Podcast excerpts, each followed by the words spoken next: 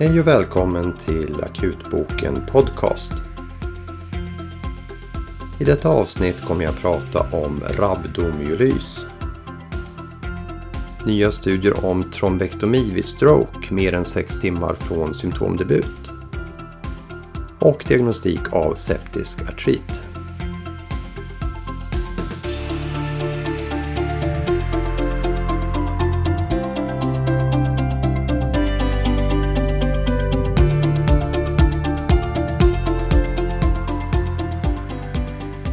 Rabdomyolys kan orsakas av många olika skador och sjukdomar som bland annat muskeltrauma, tryckskador, långvarig mobilisering, kraftig fysisk aktivitet, infektioner, läkemedel och flera olika muskelsjukdomar. I lindriga fall orsakar rabdomyolys i sig inte några egentliga problem men vid svår rabdomyolys finns risk för både njursvikt och elektrolytrubbningar.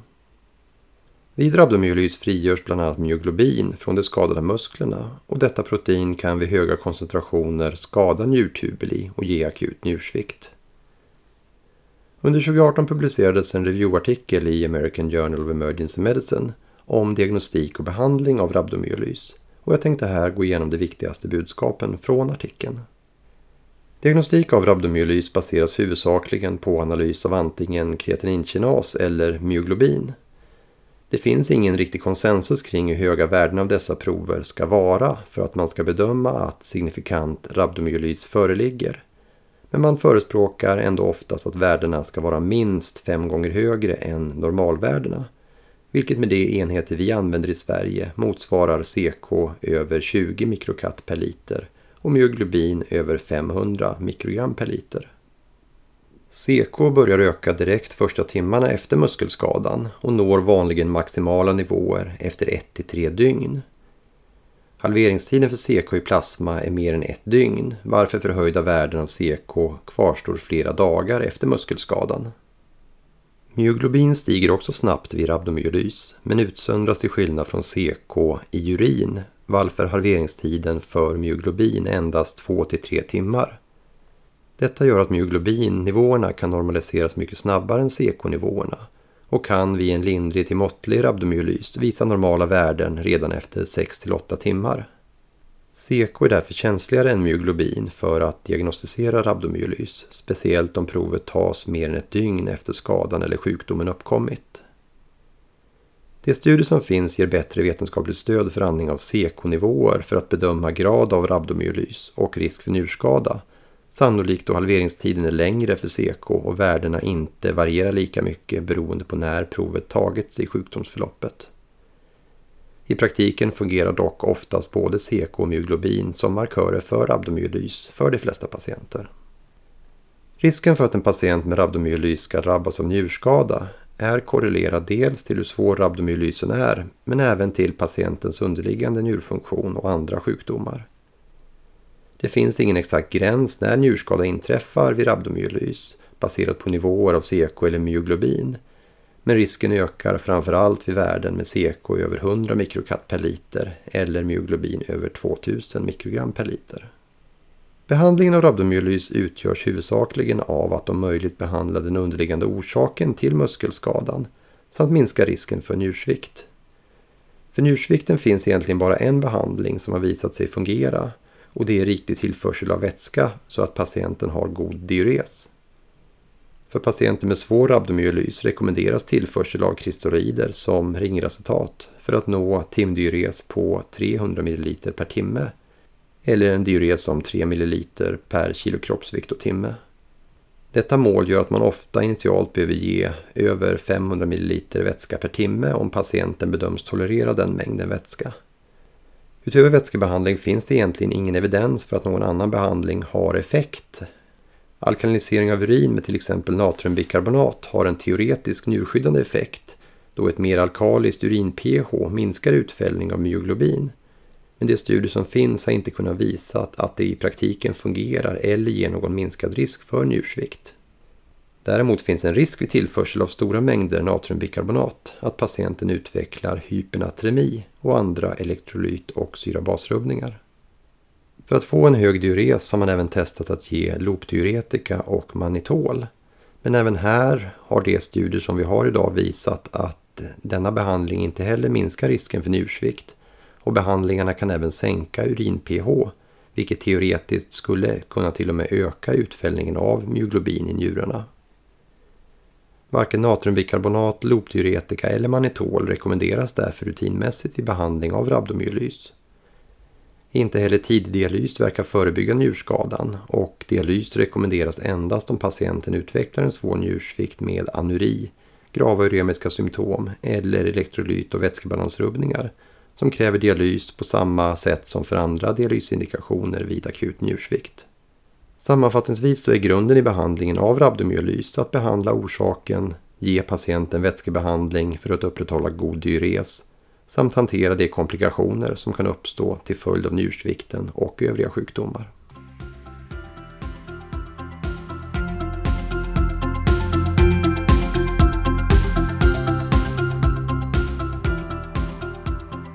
Vi har sedan 2015 flera studier som visar att endovaskulär behandling av kemisk stroke med trombektomi inom 6 timmar från symptomdebut är en bra behandling som förbättrar prognosen för många av de patienter som uppfyller kriterierna för behandlingen.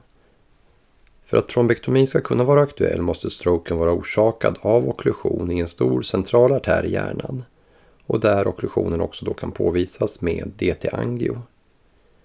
Det finns bäst evidens för trombektomibehandling av okklusioner inom den främre cirkulationen som okklusion i distala delen av arteria carotis interna och de första segmenten av arteria cerebri media. Även stora okklusioner i den bakre cirkulationen som i arteria basilaris kan dock vara aktuella för trombektomi. Tidsgränsen på 6 timmar för trombektomi från de tidigare studierna gör att endast en mindre andel av alla patienter som kommer in akut på grund av stroke är aktuella för behandlingen. Under 2018 publicerades dock två nya studier om trombektomi, Dawn och Diffuse 3-studierna, som båda studerade behandling av vissa patienter med trombektomi vid kemisk stroke upp till 24 timmar efter insjuknandet. De patienter som inkluderas i dessa studier var patienter som dels uppfyllde de vanliga kriterierna för trombektomi med okklusion av ett stort centralt kärl men som också uppfyllde andra kriterier och hade radiologiska tecken till en liten infarktkärna med ett större angränsande kemiskt område, men som sannolikt ändå var viabel hjärnvävnad. Diffuse 3-studien randomiserade 182 patienter som uppfyllde studiekriterierna och som haft neurologiska bortfallssymptom 6-16 timmar till att antingen genomgå trombektomi eller erhålla vanlig medicinsk behandling.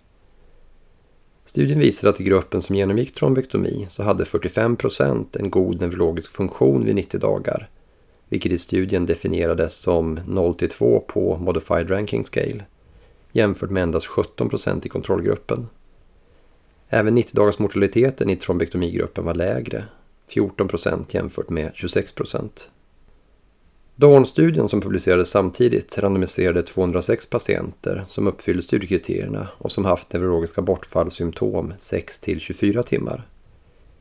Även här visade studien att av patienterna som genomgick trombektomi hade betydligt fler patienter god neurologisk funktion i 90 dagar. 49 procent i trombektomigruppen jämfört med endast 13 procent i kontrollgruppen. I denna studie sågs dock ingen signifikant skillnad mellan grupperna avseende mortalitet. Sammanfattningsvis talar studierna för att det finns strokepatienter som har nytta av trombektomibehandling, även om de haft symptom över 6 timmar. Även om det är relativt få patienter som uppfyller alla kriterierna för att vara aktuella för behandlingen, så verkar behandlingseffekten för de patienter som faktiskt uppfyller kriterierna vara stor, varför det är viktigt att vi ändå överväger trombektomi för dessa patienter upp till 24 timmar. De patienter som kan vara aktuella för sen trombektomi är patienter som har uttalade neurologiska bortfall och där bortfallen är oproportionerligt stora jämfört med infarktstorleken eller där radiologi talar för en liten infarktkärna men ett större angränsande kemiskt område utan manifest infarkt. Här ingår också patienter som insjuknar stegvis med först lättare symptom för att sedan försämras med ytterligare bortfall i tidsfönstret mellan 6 och 24 timmar. Min rekommendation här är att du diskuterar med stroke eller neurointerventionsjour om du har en patient som du tror skulle kunna vara aktuell för trombektomi även upp till 24 timmar efter insjuknandet.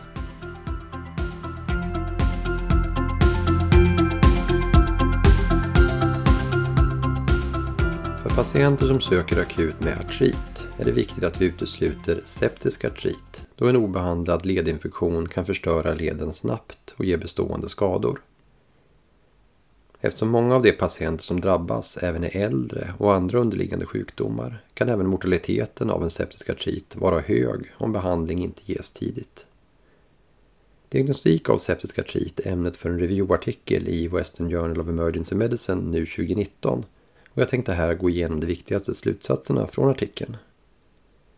Patienter med septisk artrit har i de allra flesta fall infektion endast i en led men speciellt patienter med nedsatt immunförsvar kan i vissa ganska sällsynta fall dock ha infektioner i flera leder samtidigt, då infektionen oftast uppkommer genom hematogen spridning av bakterierna.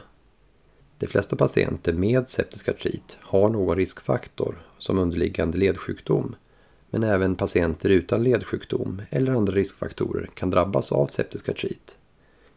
Grunden för diagnosen är ledpunktion och analys av ledvätska där de tre analyser som bör tas är leukocyter, laktat och odling. Leukocyter i ledvätska över 50 gånger 10 upphöjt till 9 per liter bör inge misstanke om septisk artrit och värden över 100 gånger 10 upphöjt till 9 per liter stärker misstanken ytterligare. Det finns dock ett betydande överlapp med andra orsaker till inflammation i leder och bland annat både gikt samt andra kristallartriter kan ge leukocyter över 50 gånger 10 på 9 per liter. Leukocyter under 50 utesluter inte septisk artrit och det finns patienter som har haft odlingsverifierad infektion med även betydligt lägre värden. Utöver leukocytanalysen kan laktat i ledvätska ge vägledning där ett laktat över 10 millimol per liter starkt talar för septisk artrit men ett lågt laktatvärde utesluter inte infektion. I samtliga fall där man misstänker septisk artrit bör odling från ledvätskan tas i samband med ledpunktionen. Och denna kommer vara positiv för cirka 80% av patienterna med septisk artrit. Påvisande av kristaller i ledvätskan stärker misstanken om kristallartrit som orsak. Men även patienter med septisk artrit kan ha påvisbara kristaller, varför detta fynd inte heller utesluter infektion. Blodprover som CRP och LPK har låg sensitivitet och specificitet för att påvisa eller utesluta infektion, varför dessa analyser sällan tillför speciellt mycket i diagnostiken av septisk artrit. Om du har en patient som söker för artrit i en stor led bör du, om det inte finns någon annan uppenbar orsak till artriten, överväga septisk artrit och bedöma om patienten bör utredas vidare med ledpunktion och analys av ledvätskan inklusive odling. I många fall går det efter analysen av ledvätskan ställa eller utesluta diagnosen men ibland är svaren svårtolkade och det är då bra att diskutera med infektionsläkare eller ortoped om patienten ändå bör behandlas med antibiotika i väntan på odlingssvar och eventuell annan diagnostik. Om du har misstanke om septisk artrit i en protesled bör du tidigt och innan du genomför eventuell ledpunktion diskutera med ortoped om hur utredningen av den misstänkta infektionen bäst bör utföras. Detta var allt för avsnittet denna månad. Som vanligt hittar du länkar till artiklarna som vi gått igenom på vår hemsida www.akutboken.se